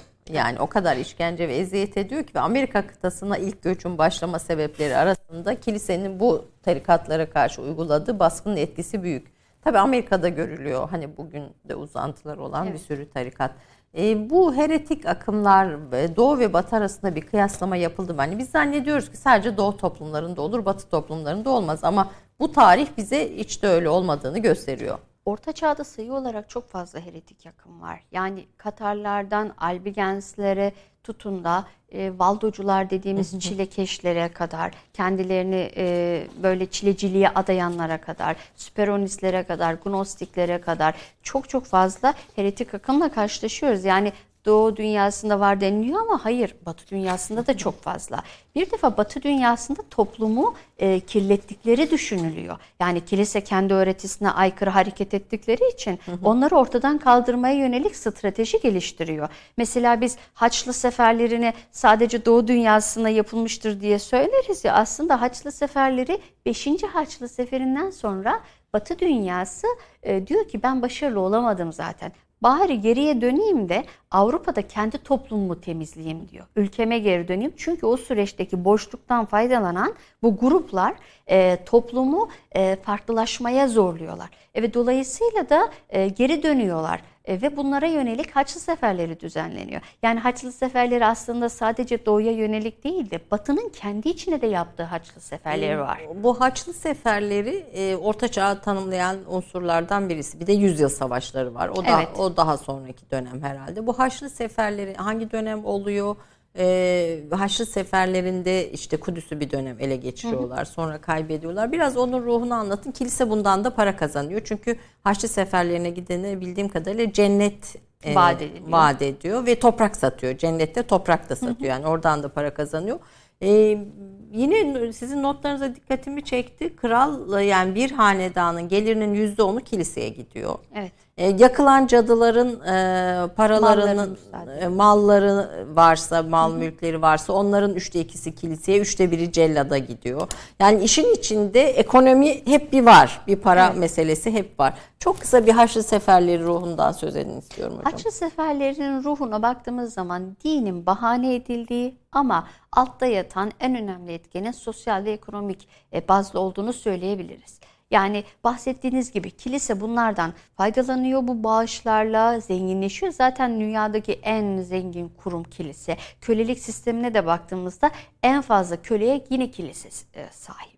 Yani bir yandan köleliğin bitirilmeye çalışılıyor, bir yandan da en fazla köleye kilise sahip. Bu tamamen o dönem ve şartlar dahilindeki çıkar çatışmalarıyla alakalı e, bir e, süreç. E, Haçlı seferleri de 1096'lı yıllarda başlayan 13. yüzyıla kadar devam eden bir e, seferler silsilesi. Kıtlığın da etkisi var. Ekonomik sebeplerin de Aynen etkisi tamamen var. ekonomik. Yani baktığınız zaman savaş deseniz savaş değil. Çünkü savaş olduğu zaman bir ordu olur. E, tam teçhizatlı askerler olur. Değil mi? Belli bir amaç olur. Ama e, Avrupa'dan çıkıyorlar, doğuya kadar geliyorlar. Arada pek çok haçlı yok oluyor. Yani bunların tamamı ölmüyor aslında. Çünkü bir kısmının amacı toprak elde etmek ya da kendi ülkesinde çok fakir toprak kazanıp buralarda yerleşmek. Amacı o anda or- e, yani bahsettiğimiz gruptan ayrılıyor. Bu nedenle e, Haçlı seferleri olarak adlandırmak daha doğrusu. E, bir de amaçları sapıyor. Yani bir kendi, düzenli ordudan bir, söz evet, edemiyoruz. Evet düzenli bir ordudan söz edemiyoruz. Hristiyanlığı korumak desek o da değil. Çünkü Doğu Hrist kendileri Hristiyan. Doğu Hristiyanları üzerine de saldırıyorlar. E, 1204 yılındaki e, Haçlı Seferi, Latin Haçlı Seferi bunun bir göstergesi zaten Bizans'ta gerçekleşen. E, Bizans'ı sürgün ediyorlar. 57 yıllık bir sürgüne gönderiyorlar İzni'ye. Yani baktığınız zaman e, kendi içinde tamamen sapmış olan bir sistemden bahsediyoruz aynen bahsettiğiniz gibi 5. yüzyıldan itibaren de kendi içine döndüğünü hatta kuzeye yönelik haç seferleri düzenlediklerini yani kendi ülkelerinde Kuzey Avrupa ülkelerine e, bunun yanı sıra kendi toplumunu düzenlemeye yönelik de haç seferi düzenlediğini görüyoruz. Hatta düşünün e, biz cadılardan bahsettik. E, cadıları da heretik gruplar içerisine bırakmışlardı. Çünkü onu bir sisteme oturtmaları gerekiyordu. Cadıları bile haç, e, cadıların üzerine bile 1484 yılında Papa bir ferman yayınlıyor. 8. Innocentius fermanda diyor ki cadıları heretik olarak ilan ediyorum. E, onları üzerine haç seferi düzenliyorum diyor ve harekete geçiyor. Buldukları tüm cadıları ya da cadı olarak adlandırdıkları herkesi öldürüyorlar.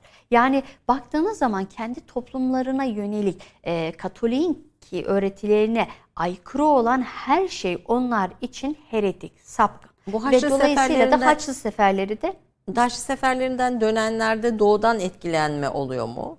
Bir kısmı dönüyor, bir kısmı dönmüyor zaten. Sayı olarak baktığımız zaman çok büyük bir azalma var. Dönenler de şöyle etkileniyor. Belki bizim için çok tuhaf olacak ama ben e, teknoloji kitabımda da bahsetmiştim. Mesela bir Haçlıyı düşünün. E, kendi ülkesine dönecek, sağ kaldı.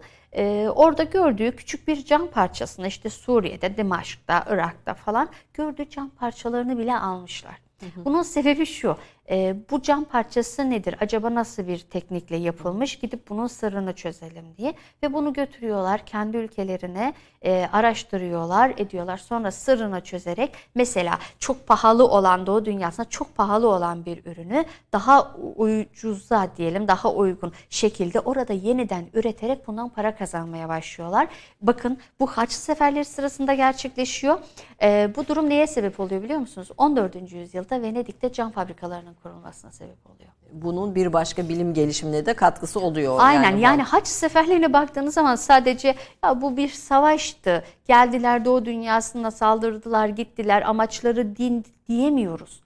Yani çok karmaşık, tartışmalı. Bir yandan Batı gözüyle Haçlı seferlerinin incelenmesi lazım. Bir yandan Doğu gözüyle incelenmesi lazım. Çünkü çok fazla toplulukla iç içe yapılmış olan bir seferler silsilesi. Ama çok fazla amaç var içerisinde. E, bu yüzyıl savaşları nedir hocam? Ona da çok kısa değinirseniz. Yüzyıl savaşları İngiltere ve Fransa'nın e, tarihi açısından baktığımızda e, çok uzun bir süre ortak bir tarihe e, imza atmışlar.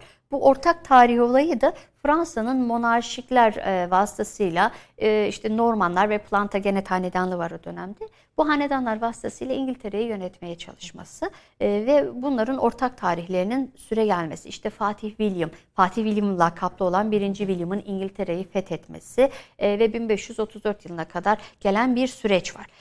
Bu süreçte İngiltere ve Fransa'nın bu ortak tarihinden dolayı Güneybatı Fransa topraklarında bir hak iddiası ortaya çıkıyor. Bu hak iddiası üzerine e, iki ülke savaşmaya başlıyor. başlıyor. 1337 ve 1453 yılları arasında Avrupa'nın bütünselleşmesine etkisi olan e, ama Fransa'nın da ekonomik yönden çökmesine neden olan e, kısaca söyleyeyim. E, Fransa'da ve İngiltere'de çok fazla can ve kan kaybına sebep olan e, bir savaşlar silsilesidir. E, hatta e, Stockwille e, bir yazısında İngiltere'nin yapmış olduğu bu savaşların aslında Fransa üzerinde tek hakimiyet kurma düşüncesiyle ortaya çıktığı girişim olarak tanımlar. Ama tarihin geçmişten şu anda günümüze kadar yapılmış olan tabiri caizse onun deyimiyle söylüyorum en ihtiyatsızca ve en aptalca yapılmış olan savaşlar silsilesidir. Ya, bugünkü İngiltere Fransa arasındaki çekişme aynen de... böyle bir yorum yapıyor. Bunun sebebi boş yere kan dökülmesinden Anladım. kaynaklanıyor. O dönemin için... Ama Fransa kazanıyor. Fransa kazanıyor. Peki e, veba kara veba yani orta çağ ıı, konuşmaya başladığımızda kara vebayı bu, bu şeyde görüyoruz. Salgın hastalıkları görüyoruz. Hı hı. Ee, ve salgın hastalıkların sebebi olarak da yine kadınlar, Yahudiler e, gösteriliyor. Biraz o vebanın orta çağın e, ve Avrupa tarihinin şekillenmesindeki etkisini dinlemek istiyorum. Hemen şöyle söyleyeyim. Bir defa kara ölüm diyoruz ya bu atramors, Latincedeki atramors'tan gelmektedir e, bu ifade. Çünkü veba hastalığının bir takım çeşitleri var ve bu çeşitlerinde e, hastanın vücudunda e, siyah böyle şişlikler oluşuyor. içi iltihap dolu. Bundan dolayı bu isimler verilmiş. Veba hastalığı çok bulaşıcı bir hastalık o dönem itibariyle. E, üçüncü kara veba dediğimiz e, olay bu 1348 yılında gerçekleşen. Öncesinde bir Antonius vebası var. Ardından Justinianus vebası var. Bu üçüncüsü en tehlikeli olandı Avrupa tarihi Bu, açısından. bugünkü şeyler gibi hocam bunlar Evet. da bugünkü e, e, koronavirüsüne verilen isimler gibi o dönemde. Aynen. Antonius Justinius falan. şey Böyle gibi. mutasyona uğramış gibi bir durum oluşuyor. Ee, ve bu en önemlisi ama Avrupa'yı gerçekten yıkıp geçiriyor. Ama bu kara veba birdenbire mi oluştu aslında değil. Ee, Ölümle Dans kitabımda e, 14. yüzyıldaki e, Avrupa'nın aslında felaketler yüzyılı Gösterelim olduğunu kitabı da. Avrupa'nın 14. yüzyılını anlatan bir kitap bu aslında. İçerisinde büyük kıtlık, 1315 tarihinde Avrupa çok büyük bir kıtlık geçiriyor. Ardından kısa süreli bir cüzzam hastalığı ve ardından insanların bağışıklık sisteminin bu kıtlıktan dolayı düşmesiyle birlikte bu veba hastalığının yeniden Şu resim çok korkunç. Bu bir, bir tablodan tasvir Evet, edilmiş bir tekrar aslında. Yani herkesin kırıldığı ve serildiği Evet. bir resmi alabiliyor mu arkadaşlar? Daha yakın. Evet. Evet. Evet. sanata da yansıması. Ee, ve veba ile bir veba hastalığı da çok bulaşıcı bir hastalık olduğu için e, insanların da bağışıklık sistemi düştüğünden dolayı bundan büyük oranda etkileniyorlar. Çünkü bu birdenbire ortaya çıkıp insanları etkilemedi. Bir öncesi vardı o bağışıklık sistemiyle alakalı. Ama o dönemde tabii ilaçlar yok. Yani günümüzdeki gibi teknoloji tıp bu kadar gelişmemiş. Aşılar yok, antibiyotikler yok. Ee, bir takım aloe vera'nın kullanıldığı, daha çok kullanıldığı bir takım ilaçlar yapılıyor ama çok faydalı da değil. İnsanlar ölüyorlar. Ee, ve bununla ilgili bir takım tedbirler alınıyor. Mesela e, 40'ar günlük, 30'ar günlük karantinalar uygulanıyor. Toplu halde yapılan işler, toplantılar olsun, festivaller, bayramlar olsun yasaklanıyor. Hatta Papa'nın bile kendi odas- odasına girerek kendisini karantina altına almış olduğunu görüyoruz. Bu koronavirüs zamanında e, Papa İtalya'da yine çıkıp dua etmişti meydanda. O dönemde de aynı tablo gözlemleniyor. Dualar ediliyor, ayinler yapılıyor ama tek başına E, ve diyor ki Tanrım diyor sen bize bu e, günahkarlardan dolayı bu cezayı verdin ama lütfen üzerimizden bunu al, bize merhamet eyle şeklinde bir takım dualar edildiğini görüyoruz. E, yeme içme konusunda bir veba broşürü hazırlanıyor. İşte incir yemenin iyi geleceği söyleniyor. E, o dönemde zümrüt tozunun iyi geldiği söyleniyor. E, koronavirüs zamanında bir gümüş tozu ile ilgili bir Evet, söylenti, çıkmıştı çıktı. değil yani mi? Toplumlar çok benzer Değil mi? reaksiyonları veriyorlar. Evet. Evet o dönemde Foligno Gentile denen bir doktor var İtalyan. O da mesela zümrüt tozunu falan söylemiş. iyi geldiğinden falan bahsetmiş. Ee, bunun gibi bir takım işte temizliğe hijyene çok dikkat etmek gerektiği, evlerin sirkeyle temizlenmesi gerektiğine dair yani günümüzde alınan tedbirlerle aynısı o dönemde orta çağda alınmış. Ama tabii o dönemde ilaç olmadığı için çok sayıda insan ölmüş. Yaklaşık 75 ile 100 milyon arasında insanın Avrupa nüfusunun %30'u yüzde alt- illa %60'ına yakını. Aynen bir de çok uzun herhalde. sürüyor. Yani 1152'li yılların sonuna kadar da devam ediyor. Özellikle Batı Avrupa'da İtalya ve Venedik vasıtasıyla, İtalya'da Venedik Ceneviz vasıtasıyla aslında gündeme gelmiş bu veba hastalığı. Bunun sebebi Batı Avrupa'da çok etkin olmasının sebebi ticaret ilişkilerinden kaynaklanıyor. Gemilerle geliyor. Tabii gemilerle gelmesinden kaynaklanıyor. Asya kökenli zaten e, Çin kökenli olan bir hastalık o dönemi itibariyle de. E, ama Avrupa'yı şekillendiren bir unsur muydu? Evet. Yeniden yapılandırmış aslında. Yani mesela veba nedeniyle köyler terk ediliyor. Ee, Bazı köyler haritadan siliniyor. Ve kentleşme de Avrupa'da kentlerin ortaya çıkmasında vebanın etkisi var. Evet, e, kentlerin daha da büyümesine çok büyük etkisi olmuş. Toplumsal açıdan yeni sınıflar, orta sınıf dediğimiz olay ortaya çıkmış. Bunun sebebi de mesela alt sınıflar ölüyorlar. Ondan sonra e, çünkü yani köle, sistemi Evet. zayıf, daha zayıf insanlar. Aristokrat sınıflardan da sağ kalanlar kendi işlerini yaptıracak insan bulamıyorlar. Buldukları da çok fazla ücret istiyor. Bu da Avrupa'da yeni bir orta sınıfın ortaya çıkmasına sebep oluyor. Ayrıca insanlar arasında öfke patlamaları yaşanıyor. Yani insanlar öleceklerini bildikleri için E, bu öfkeye e, kontrolü e, yaşayamıyorlar, öfke kontrolü yapamıyorlar.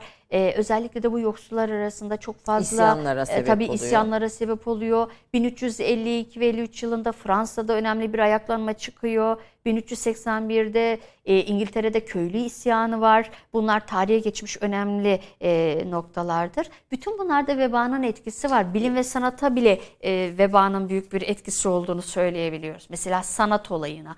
E, edebi eserler yazılıyor, şiirler yazılıyor. Evet, bir, bir Yahudiler suçlu görülüyor. Galiba Yahudi soykırımı da yapılıyor. Bu Yahudi soykırımın yapılmasına da vebanın Evet, etkisi var. kadınlar e, her zamanki gibi yine kurban Suçlu. modunda. Evet, e, Yahudiler de aynı şekilde. Hatta Yahudilerin kuyulara atılarak e, yakıldığı söylenir kayıtlarda.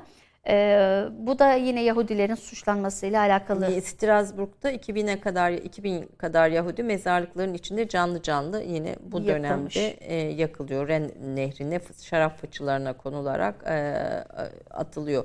Aslında Avrupa'yı yeniden ortaya çıkartan hem burjuvazinin hem kentlerin e, büyümesini sebep olan bir şey bir etkisi var bu salgın hastalığı. Ya şair Petrarka'nın bir yazısı var. O aslında bu dönemi çok güzel ifade ediyor. Şöyle diyor. Neredeyse her şeyi kaybettik, huzur bulamadık. Ee, gidenlerin ölümün yarası telafi edilir gibi değil. Ee, hayat bir uykudur. Bu uykudan da bizi ancak ölüm uyandırır ve rüyalarımıza son verir. Ee, bundan önce uyanmış olmayı diliyorum der. Yani bu aslında o dönemde insanların yaşamış olduğu o çaresizliği, O e, ruh. Ölüm zaten gelecek diyor. Yani bundan kaçış yok ben öleceğim diyor. Yani bu önemli bir nokta. Özellikle bu tarz e, şiirlerde falan çok dile getirilmiş. Giovanni Boccaccio'nun bir eseri var. e, Decameron. Yunanca'da 10 gün e, anlamındadır. E, Burada e, bu vebadan kaçan e, 10 kişiden bahseder. Bir şatoya sığınıyorlar. E, Onlar da ölecekler. Ama e, orada 10 günlük hikayeler anlatıyorlar. 3 tane erkek, 7 tane kadın kral ve kraliçe seçiliyor. Cuma ve cumartesi dışında bu öyküleri anlatıyorlar ve bunları o dönemde yazıyor.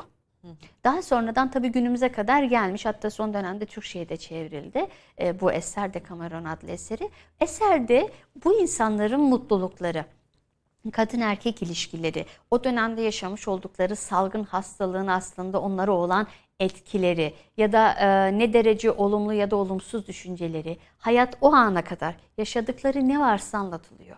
İlginçtir. Mesela salgın hastalık yaşarken ölüme gidiyorsunuz ama böyle bir eser yazma ihtiyacı hissediyorsunuz. Bu da biraz e, sanata duyulan sevgiyle veya gelecek nesillere kalacağı düşüncesiyle şey bırakma. yapmışlar. E, o döneme ait olan tablolarda Ayşe Hanım çoğunlukla bir iskelet figürü gözükür. Evet. Değil mi? Görmüşsünüzdür Evet, evet, siz evet. de.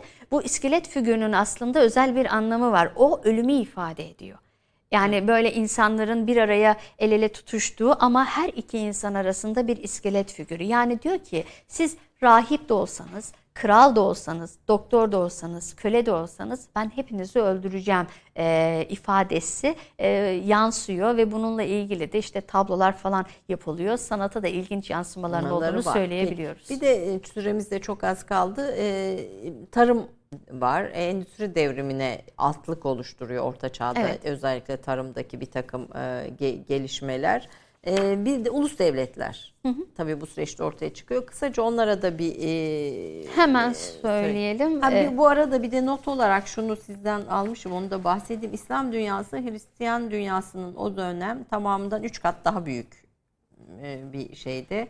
Ee, İslam dünyası Hristiyan dünyasına baktığında daha gelişmiş Tabii. ve kurumları, yapıları itibariyle daha gelişmiş bir orta çağdan e, söz ediyoruz. Buyurun. Tabii hemen onu e, söyleyelim. E, Doğu Batı arasında teknoloji transferi kitabımda da bu tarım devriminden bahsetmiştim. E, biz endüstri devriminin e, İngiltere'de ortaya çıktığını, işte 18. yüzyılda ortaya çıktığını söyleriz değil mi sanayi devrimi? Ama e, ben mesela doktora tezimi yaparken e, ortaya şu çıkmıştı. Aslında ilk endüstri devrimi orta çağda meydana geliyor. Yani e, biz bu endüstri devrimini tarımsal devrim, ticaret devrim bunların hepsini bir araya getirdiğimiz zaman gerçekten Batı Doğu etkileşimiyle birlikte bunun Orta Çağ'da yaşanmış olduğunu söyleyebiliyoruz. Yani aradaki tek fark oradaki makinalaşma yani 18. yüzyıldaki makinalaşma düzeyinin bulunması. evet farklı olması ama genel itibariyle baktığımızda ilk endüstri devrimi tarım alanında mesela belki günümüzde anlatınca çok basit gelebilir ama saban ve pulluğun geliştirilmesi ve bununla ilgili işlemlerin artmasıyla ilgili olarak gerçekleşiyor. Çünkü bu tarım alanında önemli üretime sebep oluyor diyebiliyoruz. Ee, İslam dünyası evet Hristiyan dünyasından gerçekten büyük oranda fazla hem de büyük. Zaten e, Batı dünyasına da öncülük etmiş olduğu bir gerçek. E, bunu zaten e, 12. yüzyıl Rönesansı'nda çok belirgin bir şekilde hissetmekteyiz. Yani o sizden önce Şener Akçuk Hoca 2-3 program önceydi galiba. O dönem mesela Sicilya'da 1400'e yakın cami olduğunu kayıtlarda yer aldığını söylüyordu. Batı, Batı dünyasının o bir Hristiyan e, blok olduğunu altını çiziyor. Buna ilişkin hocanın tezi de var. Yani o dönemde e, sadece Endülüs değil Sicilya'da da Müslümanlar var. Onların Tabii. da etkisi var demek Tabii o. Sicilya'da da Müslümanlar var ve e, bilim adamlarına, Müslüman bilim adamlarına da çok büyük ilgi ve hayranlıkları var aynı zamanda.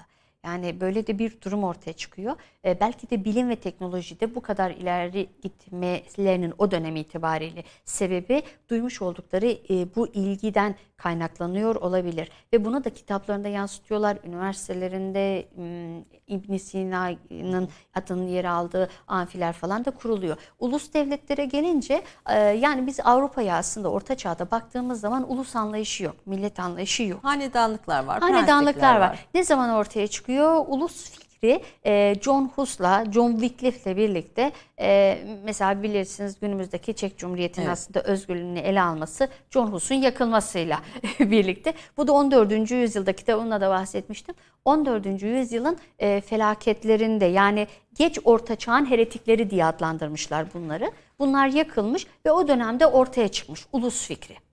Yani bu İngiltere için de geçerli, e, diğer milletler için de geçerli. E, Fransız devrimine kadar da demokrasi anlayışından söz edemeyiz Avrupa'da. Böyle bir şey yok. Yani Avrupa e, birkaç miras üzerinde kurulmuştu. Bunlardan biri de Yunan mirasıydı. Yunanların bırakmış olduğu iki miras var. Biri Doğu Batı ayrımı, biri demokrasi anlayışı. Demokrasi anlayışından Orta Çağ'da söz edemiyoruz. Fransız devrimine kadar. Ee, Doğu Batı ayrımına gelince Doğu Batı ayrımının kökeni milattan önce 7. 8. yüzyıllara kadar gidiyor. Evet. Yani Doğu Batı ayrımı son dönemlerde 18. 19. yüzyıllarda ortaya çıkan bir kavram değil aslında. Çünkü Yunanlılar Avrupalıları kimler olarak tanımlıyorlar? Asya'nın en batı ucunda nereden başlamışsa hepsini Avrupalı olarak tanımlamaya başlıyor. Doğu Batı ayrımı demiş ve bu orta çağa damga vuran önemli noktalardan biri olmuştur diyebiliriz. E, Magna Carta gene orta çağ içinde İngiltere'nin e, bu ulus devlet ve demokrasi fikrinin güçlenmesinde bir adım mıdır? Bir, bir adımdır ama ondan önce Fatih William'ın Avrupa'yı yeniden dizayn eden kanunları var. İngiltere'yi fethettiği zaman kendisi Norman kökenli zaten. Ee, ben bu konuyla ilgili bir makalede Fatih, yazmıştım. E, şey aslında kendisi birinci William da ünvanı Fatih, Fatih William. Evet. evet bunun sebebi İngiltere'yi baştan başa fethetmesi ve tarihte ilk defa bir Norman olan Anglo-Norman soyundan gelen birisi e, orayı fethediyor e, ve bundan dolayı da önemli bir e, etken. Ardından Clarendon yasaları denen bir yasalar var. Yani Magna Carta da tek başına birdenbire ortaya çıkmamıştı. Zemini o dönemde yavaş yavaş hazırlanmıştı diyebiliyoruz. Yani kralın yetkileri yavaş yavaş sınırlandırılıyor. Magna Carta ile birlikte 1215 ve 1225 tarihinde e, artık e, bu işin sonlanma aşamasına geldiğini söyleyebiliyoruz. Yani özgürlük duygusu e, aslında şöyle diyelim özgürlük duygusu önemli olmakla birlikte Orta Çağ Avrupa'sının kilit noktaları kölelik ve özgürlük. Yani bu iki temel üzerinde e, yerleşmeye çalışan bir toplum aslında Avrupa toplumu. Şimdi tabii ne, ne okuyorsunuz diye soracağım hocam. E, yani konu çok daha derin. Mesela bu, kendi çalışma sahanıza uygun kaynaklar mı okuyorsunuz veya bu dönemi anlamak için de bize ne önerirsiniz? Mesela Umberto Eco, Eco'yu önerir misiniz? Umberto Eco olabilir. E, Jacques Lugoff'un ben eserlerini çok hı hı. beğenirim. Fransız bir tarihçidir. Henry Pirenne ben kendi okuduklarından söyleyeyim. E, Mark Bloch onlardan biri. Jean Gimple. Türkçelere çevrilmiş var mı? E, evet son dönemde epey bir eserler Türkçe'ye çevrildi. Ayşe Hanım. E, ben çalıştığım dönemlerde bunlar orijinal kaynaklarındandı ama şu anda ulaşmak daha kolay. Çünkü Türkçe'ye de çevrildi. Faydalanılabileceğini düşünüyorum. Ee, Robert Moore'un eserleri var. James Roberts'ın kısa olmakla birlikte ama eserleri güzeldir. Bizden hiç bu konuyu çalışan yazan var mı mesela daha eskilerden? Daha eskilerden e, mesela cadılarla ilgili çalışma yapmış olanlar var. Hı hı. E, ama tabii ben kitapta biraz daha farklı ele almıştım. Kadınları feminizme e, bağlamıştık.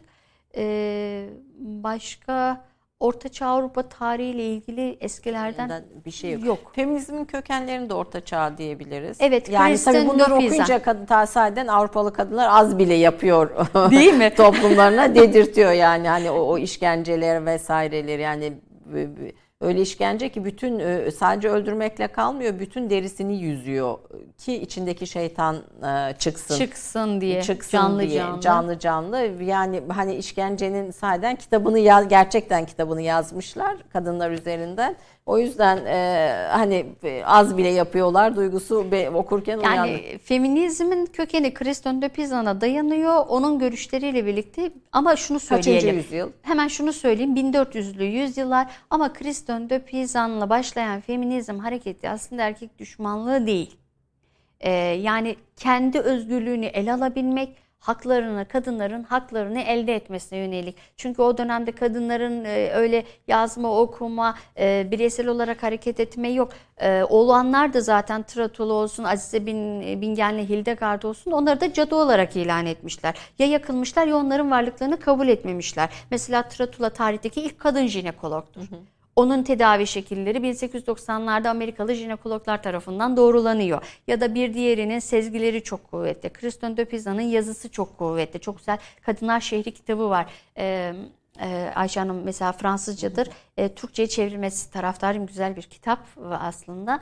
Ee, onun e, eserleri mesela çok etkin ve güzel. 1949'lu yıllardan itibaren bu feminizm olgusu ekofeminizm ve kültürel ekofeminizm e, anlayışıyla birlikte farklı bir boyut kazanmaya başlıyor. Kadın ve doğa ikisinin de baskı altına alınamayacağı, ikisinin de aslında öfkelendiği zaman dünyayı yıkabileceği düşüncesiyle hareket ediyorlar. Cinselliğin tarihi de buradan çıkıyor. Gördüğüm kadarıyla mesela kadınların özgürlük söylemlerinde, Mesela birçok şeyde Avrupa'da, Amerika'daki birçok tartışmada bize yabancı gelen bazı şeylere baktığımızda cinselliğin tarihi ve gelişimine ilişkin detaylar da Ortaçağ tarihin içindeki bu süreçlerde diye düşündüm. Tabii bu dönemde ortaya çıkıyor. Biraz daha düşüncelerini özgürce ifade etmeye çalışma olgusu var. Bu cadıların cadılık düşüncesinin de içerisinde yer alıyor bu.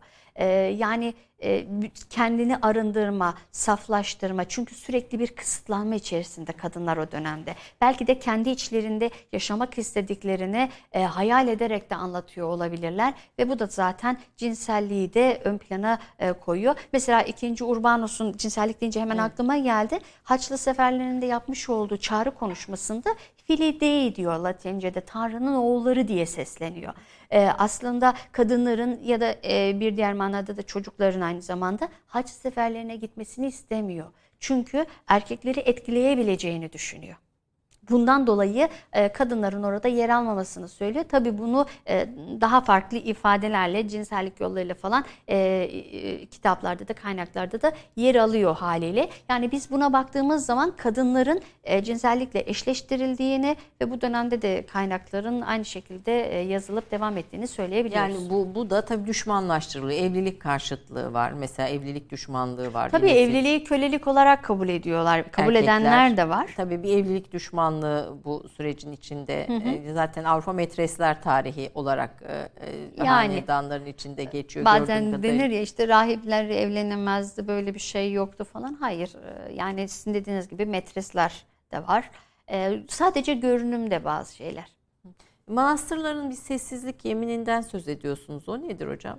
Sessizlik yemini şöyle bir şey. Çok fazla konuşunca insanların yalan söyleyeceği ve abartılı konuşulacağı düşünülüyor. Ve bunun da günah olduğu e, yani yalan söylemek de günah olduğu için bu da günahtır deniliyor. Bu nedenle çok konuşmayın diyor ve işaret dili oluşturuyorlar. Bu işaret dilinde mesela sofrada e, bir yemek var ya da tuz var. Siz tuzu istiyorsunuz. Bunu işaret diliyle ifade ediyorsunuz. Ya da bal var, bal yemek istiyorsunuz, onu aynı şekilde. Yani sürekli e, konuşmanın aslında insanı günaha sevk edeceği düşünülüyor. Bundan dolayı sessizlik yeminleri var. Yemin et. Bir de tabii sizin yine notlarınıza dikkatimi çekti. Manastır kayıtlarına baktığında hocam bu veba döneminde özellikle hepsi öldü diye bir kayıt ee, Evet hepsi öldü. Yani hiç kimse kalmadı. İnsanlar e, tamamıyla ölüyor ya bu vebadan evet, dolayı. Hiç, hiç, hiç kimse e, kalmıyor. Efendim son olarak söylemek istediğiniz, önermek istediğiniz film, e, ondan sonra kitap vesaire ne olur? Ben son derece ilginç bir konu olarak gördüm ve hani okumaya da devam edeceğim. Filmlere de bunu okuduktan sonra izlediğimiz birçok filme de daha farklı bir gözle Değil bakmaya. Mi? Bu açıdan da bakarsınız. Evet evet daha farklı bir gözle bakmaya başladım ve Avrupa kendi tarihini sahiden müthiş bir şeyle e, temize çıkartıyor. Yani gö görüneni. Bir de e, benim gözlemlediğim sosyal konuları iyi işliyorlar kendi filmlerinde. E, biz onları izlediğimiz zaman onların sosyal tarihleriyle ilgili veya gündelik hayatlarıyla ilgili de pek çok şey öğrenebiliyoruz diye düşünüyorum. Ee, belki bu açıdan da bakmak lazım, lazım filmlere de. Bütün detayları görebiliyorsunuz aslında o Aynen. detay o filmlerde o yani detaylar ben? Ben e, Ortaçağ Avrupa e, tarihi çalışan biri olarak söylüyorum. Ben genel anlamda Batı tarihinin çalışılması gerektiği e, düşüncesindeyim. Batı'yı daha iyi anlamak açısından sadece siyasi değil aynı zamanda sosyal tarihlerini de e, öğrenmek açısından e, bunun çalışılması gerektiğini düşünüyorum. Orta son olarak Orta Çağ Avrupa tarihini e, böyle bir düşündüğümüz zaman bir farklı pencereyle e, bir Latince bir söz vardı. Pro patria mori, vatan için ölmek denir ya.